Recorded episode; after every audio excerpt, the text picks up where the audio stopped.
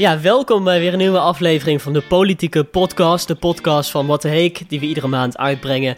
Met daarin het laatste politieke nieuws. En je hebt ons even moeten missen natuurlijk, want uh, ja, ook wij waren met zomerstop. Net als alle politici uh, in Den Haag natuurlijk. Uh, maar we zijn terug van weg geweest met een nieuwe podcast. Waarin we eigenlijk de hele zomer een beetje met je doornemen. Want ja, je hebt ons even moeten missen, dus we gaan je even bijpraten. Wij dachten zelf, het is een beetje rustig komende zomer, maar uh, door corona was alles anders, want er gebeurde echt een hele hoop. En uh, dat gaan wij voor je samenvatten. En ik zeg wij, en dan bedoel ik uh, mezelf, Lars Melitse en Saskia Loband. Hey, hallo. Ja, welkom terug inderdaad. We zitten weer in Hilversum met z'n tweeën, dus we hebben dit een tijdje op afstand moeten doen. Maar toen zat jij in Eindhoven, maar nu zitten we weer samen in dezelfde ruimte. Dus dat is heel fijn. Um, ja, we gaan de zomer doornemen en dan hebben we het uh, specifiek over de maanden juli en augustus. Hè, want dat waren een beetje de zomermaanden. Um, ja, wat sprong er een beetje uit? Hoe was jouw... La, laat ik daarmee beginnen. Hoe was jouw zomer eigenlijk? Nou, mijn uh, zomer was wel prima. Wel in Nederland. Ik ben niet uh, naar het buitenland geweest, omdat ik dacht, ja, dat risico dat het dan ineens op oranje gaat en dat je dan terug in Nederland eerst 14 dagen later werd dat tien dagen, maar dat is nog steeds lang, in quarantaine moet. Dus niet je huis uit. Ja, dat risico vond ik toch wel heel groot. Dus ik ben lekker in Nederland uh, gebleven. Wat ook prima was. En ik heb vooral eigenlijk veel gewerkt. Ik uh, ja. heb weinig vakantiedagen gepakt. Dat komt misschien dan ook wel omdat je normaal gewoon iets boekt. En dan een vliegtuig pakt of de auto. En echt weggaat. En dat heb ik nu niet gedaan. En daarom heb ik ook niet echt, ben ik een beetje vergeten om ook echt vakantie te pakken. En ja. jij? Ja, ik ook niet. Ja, mijn vakantie was uh, uh, twee weken of zo. Toen was ik in Tilburg op de kermis heel veel aan het werk. Dus ik heb wel een beetje vakantie gehad. Maar uiteindelijk was ik toch heel druk met heel veel dingen. Dus uh, ja, dat. Zullen we naar de politiek gaan meteen? Kijken hoe de politici hun vakantie hebben doorgebracht. Ja. Want ja, het zullen we daar eens mee beginnen? De vakantie van politici. Want in principe tijdens het reces, dus dat is de zomervakantie voor politici, gaan zij normaal gesproken ook gewoon weg. En uh, sommigen hebben dat ook gedaan. Bijvoorbeeld uh, Hugo de Jonge, de minister, uh, ja, de coronaminister gewoon. Die is naar Frankrijk geweest, kamperen. Dat doet hij eigenlijk wel ieder jaar. Maar zijn kinderen hadden nu op Instagram een fotocollage gemaakt van, ik geloof wel vijf of zes foto's van de jongen. Waarop te zien is dat hij eigenlijk alleen maar aan het werk is. Dus hij zit inderdaad voor zijn tentje op een camping in Frankrijk. Maar hij is nog alleen maar aan het werk. Dus het was geen hele relaxte vakantie, denk ik. Uh, Hugo de Jonge, nog andere politici en uh, vakanties uh, die we kunnen bespreken eigenlijk? Rutte. Rutte had een foto op Ameland of Terschelling. Nou weet ik het niet meer. Maar een van de Waddeneilanden in ieder geval. Wat daar uh, aan opviel was uh, nou, met Jort Kelder, dat hij met Jort Kelder was. Maar Goeie dat is ook hem, precies, dat, uh, daar gaat hij altijd mee op vakantie, want dat is zijn beste vriend. Maar vooral de schoenen die hij aan had, het waren, het waren echt Hugo de Jonge schoenen bijna. Het waren gele All-Stars, dus echt wow. opvallende schoenen. Hey, en Geert Wilders is iemand waar we altijd ieder jaar wel een vakantiefoto van tegenkomen, op Twitter bijvoorbeeld. En het zijn eigenlijk altijd een beetje dezelfde foto's. Hè? Geert Wilders die heel blij, of heel serieus eigenlijk in de, in de camera kijkt met een zonnebril op. En dit jaar ook volgens mij. Nou, dit jaar was helemaal mooi. Hij had inderdaad weer dezelfde foto, hij met een zonnebril. Maar hij heeft deze keer een, uh, ook een collage gemaakt. Waardoor je hem één keer gewoon echt met alsof hij in een soort fotoboost staat. Uh, de ene keer heeft hij een serieuze blik, de andere keer een lachende blik. Hij doet zelfs één foto een duckface. Ja, nou, tot zover de vakanties van onze politici uh, daar in Den Haag. Uh, laten we meteen maar even met het belangrijkste nieuws uh, beginnen. Ja, dat is corona. Of ja, wat, wat is het belangrijkste? Een beetje lastig in te schatten nu. Het zou ook het CDA kunnen zijn, want die hadden een hele belangrijke strijd, een hele belangrijke battle tussen twee belangrijke politici daar. Zullen we daarmee beginnen? Of, Ja, nou ja, dat was ook qua, als we dan toch een beetje chronologisch willen gaan doen, dus beginnen bij uh, het begin van juli en eindigen eind augustus, ja, dan is het inderdaad wel logisch om eerst het CDA te pakken. Uh, want daar was eigenlijk de vraag, wie wordt de persoon die uh, voor ons de verkiezingen gaat doen? Dus wie komt er op alle verkiezingsposters? Wie mag alle debatten gaan doen? Uh, ja, de belangrijkste persoon bij de verkiezingen. En dat ging tussen drie mensen. Tussen Hugo de Jonge, daar is hij weer, de coronaminister. Tussen uh, een Kamerlid, uh, Pieter Omtzigt, wel een bekend Kamerlid. Heeft veel belangrijke dingen gedaan als Tweede Kamerlid. En tussen een staatssecretaris, Mona Keizer, van Economische Zaken. Dus ook wel een belangrijke, ja, een belangrijke portefeuille, een belangrijke staatssecretaris. Want ja, dan bemoei je je dus met de economie. en dat is ook in corona best wel een pittige portefeuille. Dus nou, daar, tussen die drie ging het eigenlijk een beetje. Nou, toen deden ze eigenlijk een soort The Voice of Holland. Met echt het uh, rondes en zo. En uh, in de eerste ronde werd toen al duidelijk: we hebben een afvaller. En dat was Mona. Ja, heel veel mensen waren heel blij dat Mona meedeed. Want die dachten van: heel leuk, we hebben een vrouw misschien wel als lijsttrekker. Dat is heel belangrijk dat je een vrouw hebt. Uh, want het zijn natuurlijk vooral mannen die daar in de politiek zitten. En heel veel mensen denken: ja, het is wel toch wel leuk als je een vrouw hebt. Misschien dat daarom juist mensen op je gaan stemmen, natuurlijk. Maar Mona viel af inderdaad. En toen was de strijd alleen nog tussen twee andere mannen. Hugo de Jonge en uh, ja, natuurlijk Pieter Omtzigt, dat Kamerlid. En ze hebben er echt inderdaad, wat jij zegt, een soort voice van gemaakt. Dus iedereen kon online stemmen. En uh, uiteindelijk werd de uitslag heel spectaculair bekendgemaakt uh, tijdens zo'n bijeenkomst met heel veel leden van de partij.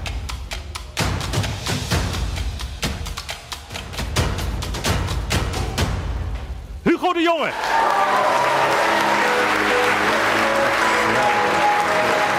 Uh, Hugo de Jonge, uh, de coronaminister dus, die uh, de leider wordt van het CDA eigenlijk. Pieter Omtzigt dus verloor uiteindelijk. En je zag het ook een beetje aan hem dat hij daarvan baarde. Hij stond echt een beetje bijna huilend op het podium met traantjes in zijn ogen. En ja, ik vond het ook wel een beetje sneu. Want volgens mij had hij wel echt wel zin om, om leider te worden en baarde hij wel een beetje. Nou, bijna huilend. Hij stond huilend op het podium. Het was wel vrij obvious dat hij daar echt inderdaad wel van ja, van baalde inderdaad. Ja, dat snap ik ook wel. maar Hugo de Jonge dus, eh, de lijsttrekker van het CDA straks. Volgend jaar in maart kunnen we dus gaan stemmen met z'n allen. Dan zijn er weer verkiezingen. En uh, als je dus op het CDA wil stemmen, dan is hij dus een beetje de eerste man op de lijst uh, van het CDA dus. En ook heel veel andere partijen hebben trouwens ondertussen bekendgemaakt wie hun lijsttrekker wordt. Dat is altijd heel belangrijk. Bij uh, Denk is het bijvoorbeeld Farid Azarkan. Die ken je misschien wel van, van Denk. En um, bij de VVD is het nog steeds niet bekend. Maar iedereen weet het eigenlijk wel. Hè? Het is gewoon Mark Rutte natuurlijk die dat weer gaat doen. Want ja, weet je, als het iemand anders is, dan zouden ze dat ondertussen al lang bekend hebben gemaakt, denk ik zelf. Dus uh, steeds meer lijsttrekkers die worden bekend. Bij D66 is het natuurlijk Sigrid Kaag. Die is nu minister van Buitenlandse Handel en Ontwikkelingssamenwerking. Um, dus ja, ondertussen weten we al heel goed wie de poppetjes zijn die straks op dat stembiljet staan. Ja, en ik wil nog heel even bij de uh, CDA-verkiezing blijven. Want ze hadden dus zelf al heel spannend gemaakt door een soort voice te gaan spelen met rondes en stemmen. En een live finale met oeh, wie zou er gewonnen hebben. Maar het werd ook nog op een andere manier spannend. En een manier die het CDA liever niet had gewild. Namelijk, er ging best wel wat mis hè, bij deze uh, lijsttrekkersverkiezing. Ja, want uh, het was coronatijd, dus stemmen dat moest echt online. Dus je moest naar zo'n website toe gaan en dan invullen wie jouw favoriete lijsttrekker zou zijn. Nou ja, dat ging dan niet helemaal zoals het moest, want mensen kregen allemaal mailtjes terug dat ze hadden gestemd op iemand waarop ze helemaal niet gestemd hadden bijvoorbeeld. Op een gegeven moment moest die hele stemming ook opnieuw. Dus toen stopten ze en toen moest iedereen opnieuw stemmen als je al gestemd had. En uiteindelijk was dus de uitslag best wel 50-50. En toen bleek ook achteraf dat sommige mensen zeiden van ja, ik vertrouw het nog steeds niet. Dus toen moest er een heel onderzoek worden gedaan om te checken of het allemaal wel goed is gelopen.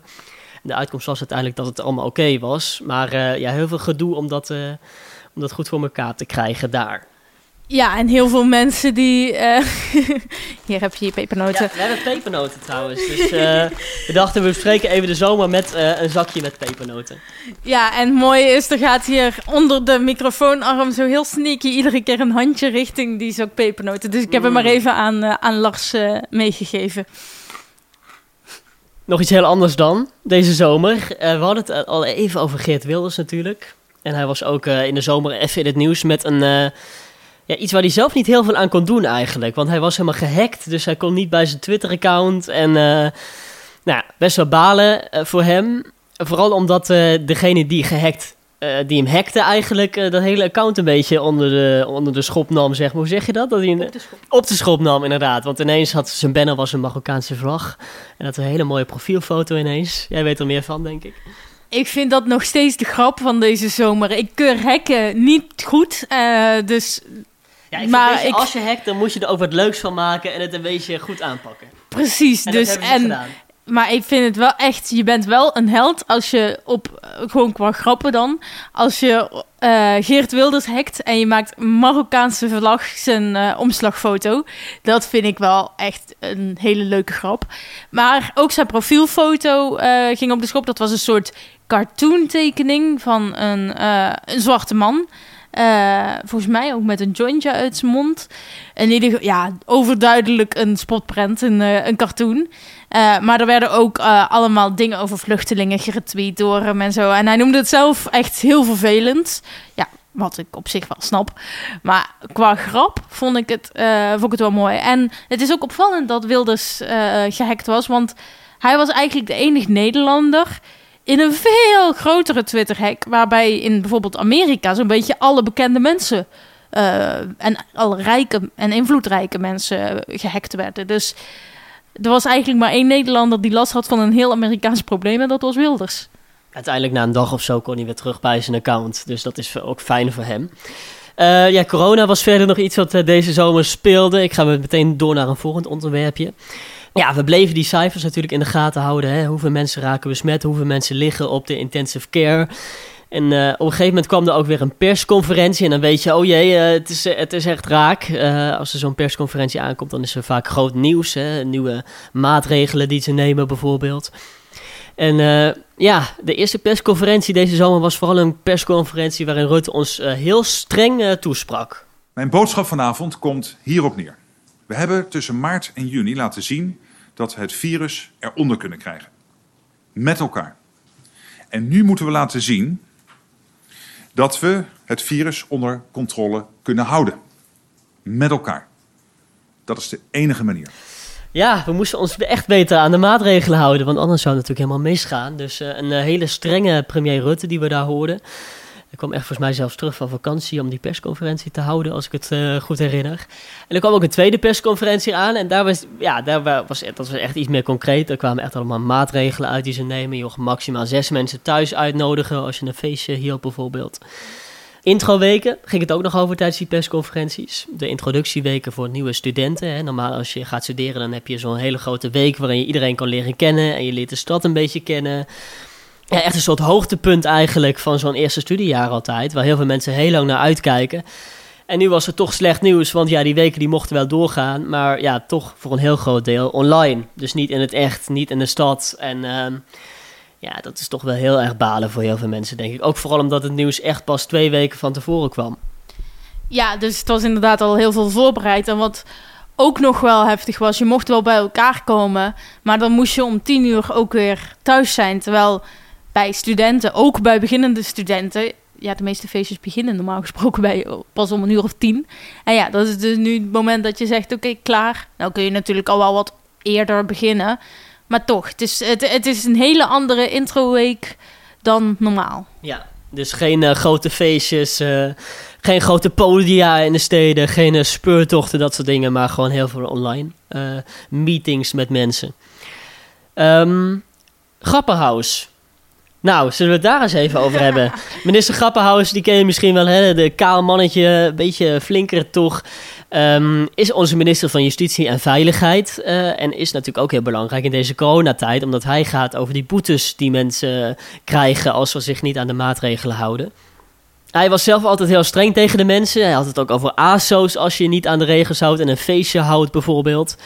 Ehm, maar ja, zelf ging het ook een beetje mis bij hem. Hij had een bruiloft, hij mocht trouwen. Ehm, dat, deed hij eh, in het weekend een keer. En eh, ja, dat was toch... Niet iedereen eh, hield zich zo even goed aan die coronamaatregelen. En hij zelf ook niet. En er was een fotograaf, die was daarbij. Die lag in de bosjes en die hield het allemaal in de gaten. En die lekte wat foto's uit naar de media van die bruiloft. Ja, en toen waren de rapen gaar natuurlijk voor minister Grappenhaus. En toen had hij echt wel even wat uit te leggen. En toen zei hij ook van ja, weet je, het ging niet altijd goed. Er waren momenten waarop we ons niet echt aan de maatregelen hielden. Maar ja, wat gebeurde er een dag later? Toen kwamen er nog twee foto's van diezelfde fotograaf van diezelfde bruiloft van Grappenhaus. Waarbij hij ook een arm om iemand heen sloeg. En hij, hij gaf iemand een hand. Ja, en toen eh, kwam er echt een, eh, een heel moeilijk debat voor Grappenhaus. Voorzitter, een goede minister zie je niet graag vertrekken. En dat had ook niet gehoeven als de minister zijn voorbeeldfunctie serieus had genomen. Ook op zijn eigen huwelijk. Wat is je boodschap naar die handhaver die dat ingewikkelde gesprek moet voeren op straat over een boete? Wat is je boodschap naar mensen die, voor wie 390 euro wel een groot bedrag is dat ze moeten betalen? Wat is je boodschap ten aanzien van Nederlanders die ook moeite hebben met die regels op basis van dit kabinet. Ja, het was vooral het verschil tussen die eerste en die tweede uh, reeks aan foto's. Die heel, uh, ja, dat verschil was heel groot. Want de eerste keer was natuurlijk, waren mensen al boos, want iemand die zegt: Ja, als je je niet aan de coronamaatregelen houdt, ben je echt een ASO. En vervolgens zie je dat op zijn eigen feestje niemand zich aan de, ma uh, aan de maatregelen houdt. Tenminste, op bepaalde momenten zeker niet, want dat staat dus op de foto. Uh, ja, dat is al best een dingetje. Maar iedereen had nog wel zoiets van... ja, maar ja, het is ook wel lullig dat zo'n zo'n roddelpersfotograaf... want dat was het, in de bosjes gaat liggen. En die man had ook gewoon recht op een feest. Hij heeft hard gewerkt. Dus nou ja, super stom, niet meer doen. Maar toen kwam dus nog een tweede reeks aan foto's... met inderdaad een hand en uh, een omhelzing. Ja, toen was het klaar. Ja. Hij is nog steeds minister natuurlijk, hè, dus hij mag blijven. Want er was echt een heel eh, moeilijk debat waarin mensen hem ook daarop aanvielen. Van, hey, hoe kun je nou, weet je wel, jij bent de minister, jij moet het goede voorbeeld geven natuurlijk aan de mensen. Ze zeiden ook van, ja, weet je, als, als zelfs de minister zich er niet aan houdt... dan is het ook niet meer uit te leggen dat ook mensen in het land zich aan die maatregelen moeten houden. Dus hij had echt wel even wat uit te leggen en hij werd ook een klein beetje uh, emotioneel. Zoals ik in mijn eerdere statement zei, vandaag weer, het is die dag niet goed gegaan met betrekking tot de coronamaatregelen.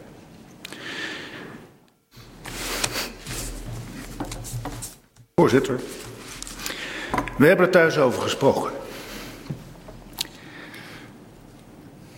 We zeiden tegen elkaar, hadden we het maar met z'n tweeën gedaan.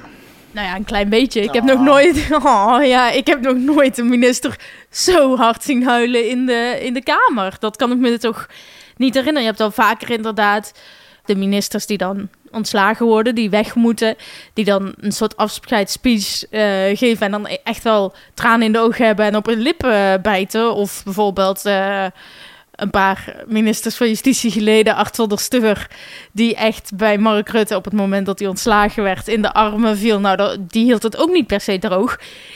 Maar Grapperhaus stond echt te huilen. Dat, ja. dat hebben we nog niet heel vaak gezien. Ja, het is ook best wel vervelend. Oh man, ook persoonlijk voor hem natuurlijk, weet je. Het was juist zo'n fijne dag dat hij kon trouwen, want hij was weduwnaar en dit was zijn tweede vrouw. Ja, voor hem persoonlijk natuurlijk best wel moeilijk. Um, maar heel veel politici zeiden toch van ja, we geven het toch het voordeel van de twijfel en hij mocht blijven. Want hij deed natuurlijk best goed op dat ministerie. Je had eerst bijvoorbeeld uh, Ivo Opstelten een tijdje geleden. Dat, daar waren vaak wat problemen op dat ministerie toen hij er zat. Uh, een bonnetje dat gezocht moet worden dat ze niet konden vinden, bijvoorbeeld. En nu, was, uh, ja, nu zit hij daar en gaat het eigenlijk wel lekker. Ja, er gaan natuurlijk wel eens dingen mis, maar het gaat wel een stuk beter. Dus ze dachten ook van, weet je, we willen je niet kwijt. Uh, we moeten je wel even streng toespreken, maar je mag wel blijven uiteindelijk. Dus ze hadden toch zoiets van, um, nou, we, we, knijpen even een oogje dicht. Maar ja, ze waren wel echt heel boos op minister Grappenhaus. En ik denk ook oprecht, en dat werd ook wel tegen elkaar gezegd dat hij begon te huilen. Dus dat, kijk, als hij uh, erin was gegaan met... ja, sorry jongens, ik heb niks fout gedaan. Dan zijn een beetje... Even drinken pakken trouwens tussendoor. Na de pepernoten komt het drinken, nee, heel goed. Maar als hij uh, echt heel arrogant was gaan doen... zo van, ja, maar ik heb toch niks fout gedaan... en viel toch allemaal wel mee... dan had hij misschien wel weggemoeten. Maar nou begon, had hij zoveel spijt... en zei hij zo enorm sorry. Dat hij zelfs stond te huilen. En toen dan merk je toch dat heel veel andere partijen, zelfs Wilders, zelfs Baudet, die normaal echt wel heel kritisch zijn. Dat die toch wel zoiets van, oh, en nou zit hij er nog. Dus eigenlijk heeft hij dat huilen best wel slim gedaan. Jij denkt dat uh, het was een tactiek eigenlijk? Uh... Nou, dat gerucht gaat... Het kwam hem lekker uit, laat het, het zo zeggen. Dat gerucht gaat zeker, dat het, uh, dat het gespeeld was. Dat weet ik niet.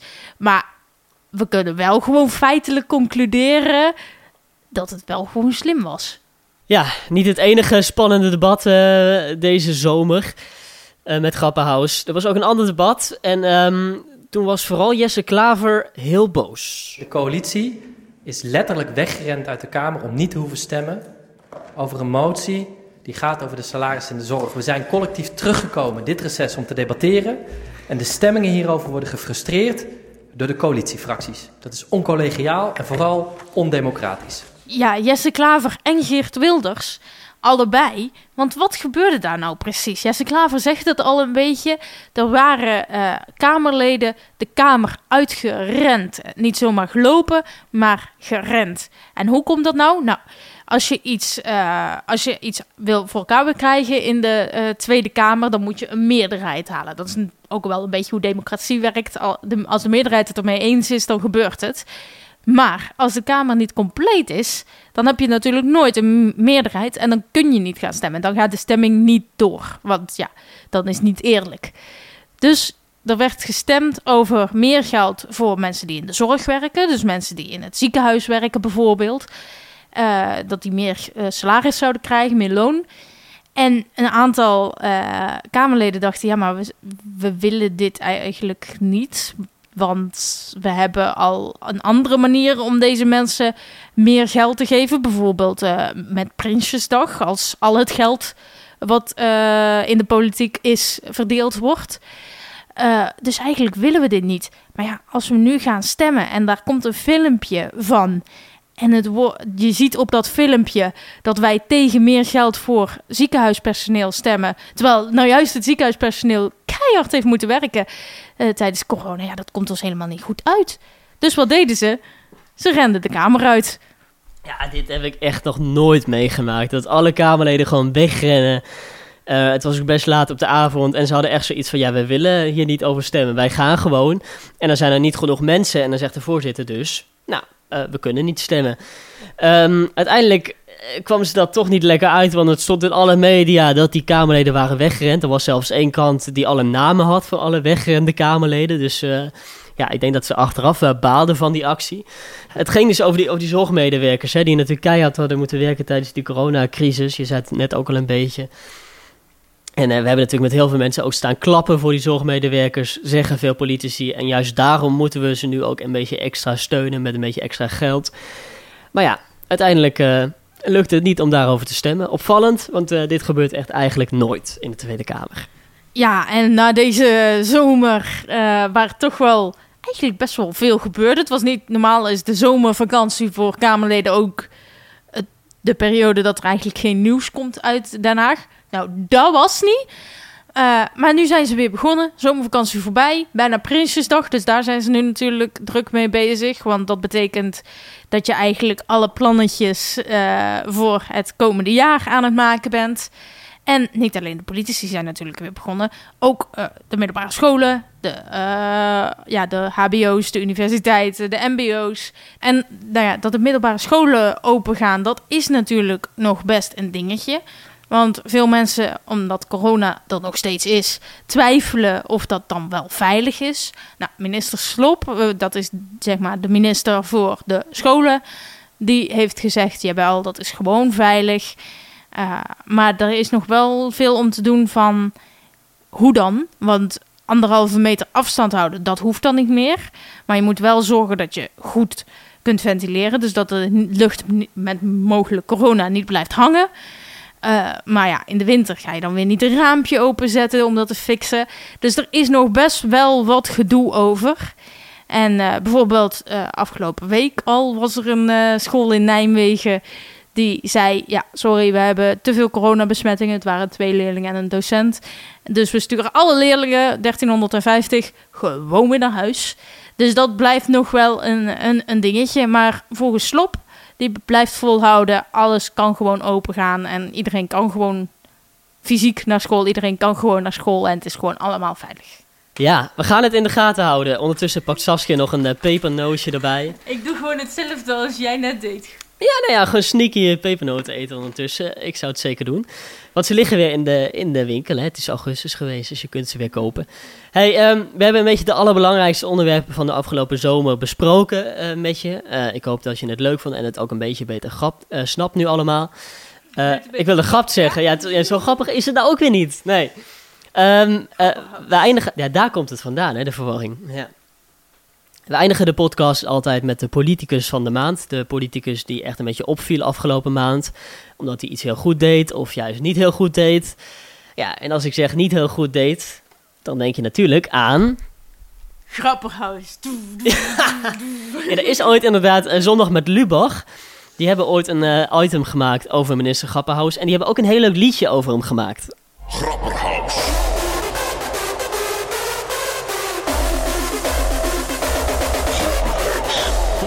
Binnenhof eruit nadat de schoonmakers zijn geweest? Kabinetjes. Waar download Mark Rutte altijd illegale films in het torrentje? Ik vind het echt een lekker plaatje dit. Uh, heel mooi. Maar minister Grappenhaus dus uh, hield zich niet zo goed aan die coronamaatregelen op zijn bruiloft. En had echt wat uit te leggen aan de Tweede Kamer. Um, dus ja, dat zou wel eens de politicus van de maand, of in dit geval van de zomer kunnen zijn, wat mij betreft. Ja, en laten we dan, daar ben ik het helemaal mee eens. Daar kun je het niet mee oneens zijn als je ziet hoeveel ophef die man uh, in zijn eentje heeft veroorzaakt. Maar laten we ook een uh, positieve politicus van de zomer uh, uitkiezen. Want ja, dat doen we eigenlijk ook altijd wel. Iemand die het wel goed gedaan heeft. En laten we dan toch maar. Ja, dan moeten we eigenlijk, omdat het zo 50 50 was, laten wij dan gewoon 50-50 twee politici ja. van, uh, van de zomer pakken. Hugo de Jonge, goed gedaan, lekker gewerkt, pik. Gewonnen, lijsttrekker, woep woep. En Pieter Omtzigt, want Oh. Ja, ik had het wel met hem te doen ook. Toen hij zo stond te huilen, weet je wel. Hij keek er zo naar uit om aan de slag te gaan als lijsttrekker, inderdaad. Dus hij verdient het ook om onze politicus van de zomer te zijn. Absoluut. Dat is je troostprijs, uh, meneer Omtzigt. Dat je bij ons politicus uh, van de zomer bent. Ja, ik denk dat hij er heel blij mee is. En ik hoop ook uh, dat hij luistert. Dus meneer Omtzigt, deze is voor u. Dan, tot slot, er komt weer een spannende tijd aan. Het zijn de laatste maanden voor de Tweede Kamerverkiezingen. In maart dan mogen we stemmen met z'n allen. En dit is ook een beetje een hele spannende tijd, want het is ook een beetje campagnetijd. Hè? Dus iedereen uh, probeert weer een beetje positief in het nieuws te komen. En iedereen wil dat jij straks op hun gaat stemmen natuurlijk. Um, dus ja, wat gaan we de komende maand slash maanden horen dan wel zien in Den Haag? Dat is wat we altijd een beetje aan het eind van de podcast bespreken. Ik denk dus inderdaad heel veel verkiezingsdingetjes al, uh, een beetje campagne. Dat gaan we echt wel merken, denk ik, komende maand. En verder gaat het natuurlijk ook over die middelbare scholen waar we het net over hebben, hadden. Uh, ze houden een beetje in de gaten of dat allemaal wel goed gaat. Want het is ook een soort experiment. Hè. Het is voor het eerst dat dat coronavirus hier is. Dus we moeten maar gewoon kijken uh, hoe dat loopt. Of het allemaal goed gaat met ventilatie en dingetjes. Ja, en het coronavirus is natuurlijk nog steeds een dingetje. Want ja, in de wintermaanden zou het wel eens een beetje kunnen oplaaien. Uh, dus dat meer mensen weer besmet ra raken. Ja, ja, weet je, het wordt gewoon heel spannend om te kijken of we of, of het volhouden, of dat we misschien wel nieuwe maatregelen moeten nemen. En dat we weer straks niet meer naar de bioscoop kunnen of niet meer naar het restaurant kunnen. Het zou natuurlijk allemaal uh, kunnen. Dus we gaan het allemaal afwachten en in de gaten houden, denk ik. Zeker. En gaan we dan kijken naar, uh, naar september, dan hebben we natuurlijk sowieso, dat is altijd een hele belangrijke maand in de politiek. Want, Lars Melitze... Het is Prinsjesdag, de derde dinsdag van september inderdaad. Ja, het begin van het politieke jaar inderdaad, echt een hoogtepunt in Den Haag. Want dan maakt het kabinet alle plannen bekend hè, voor het komende jaar. En de um, monies. En de monies, niet onbelangrijk inderdaad. Dus het hoogtepunt is dan altijd die rijtour als de koning naar de ridderzaal toe gaat. En dan gaat hij daar zitten op de troon. En dan gaat hij twintig minuten lang gaat hij vertellen wat de regering gaat doen. In een hele moeilijke speech, met hele moeilijke woorden altijd. Ja, maar Lars, ik heb nieuws voor je. Die rijtour, dat was ooit, maar corona. Oh, Helaas. Nou, oh, ik ga wel de rijtour van afgelopen jaar terugkijken, denk ik. Oh ja, kijk, jij luister je dan ook, zeg maar, die veel te moeilijke troonrede van een jaar terug? Want ik kan je vertellen, oh. Die cijfers kloppen niet meer. Echt helemaal niks meer van. Ook zeker door corona. Alle plannen die we toen hadden, die kunnen we echt in de prullenbak gooien, inderdaad. Uh, nee, ik ga wel kijken, denk ik. Maar wel balen van die rijtour. Dat is wel een beetje minder. Maar uh, ja, wel heel veel hoedjes natuurlijk dit jaar weer. Uh, zoals we dat gewend zijn. En natuurlijk het koffertje. Ook niet onbelangrijk. Dat koffertje waar de minister van Financiën dan altijd heel trots mee rondloopt. Want daar staan dan alle plannen in. Um, dus dat gaan we ook dit jaar weer zien. Uh, corona of niet, uh, dat koffertje is er gewoon weer bij. En de koning ook. En ook uh, de hoedjes. Nou, dat is dus in de maand september het grootste ding. En nou ja, wat jij ook al zei, Lars. Corona blijft een ding. We gaan heel veel meekrijgen. Steeds meer van partijen. Ook partijen die nu nog samenwerken. Die toch een beetje gaan bettelen. Want de verkiezingen komen eraan. Wij zijn er natuurlijk begin oktober weer. Om september voor je samen te vatten. Want zo zijn we. En nou ja, we hopen dat je dan weer luistert. En uh, we hopen dat je ook uh, abonneert op onze podcast. En laat even een reactie uh, met feedback achter. wat je van ons vindt, vinden we ook leuk. Ik ga nog even pepernoten eten. Doe je ding. We komen steeds dichter bij december, Lars. Dus doe je ding. Tot volgende maand. Dag. We zijn klaar. Dank u wel. Dat ging best vaardig.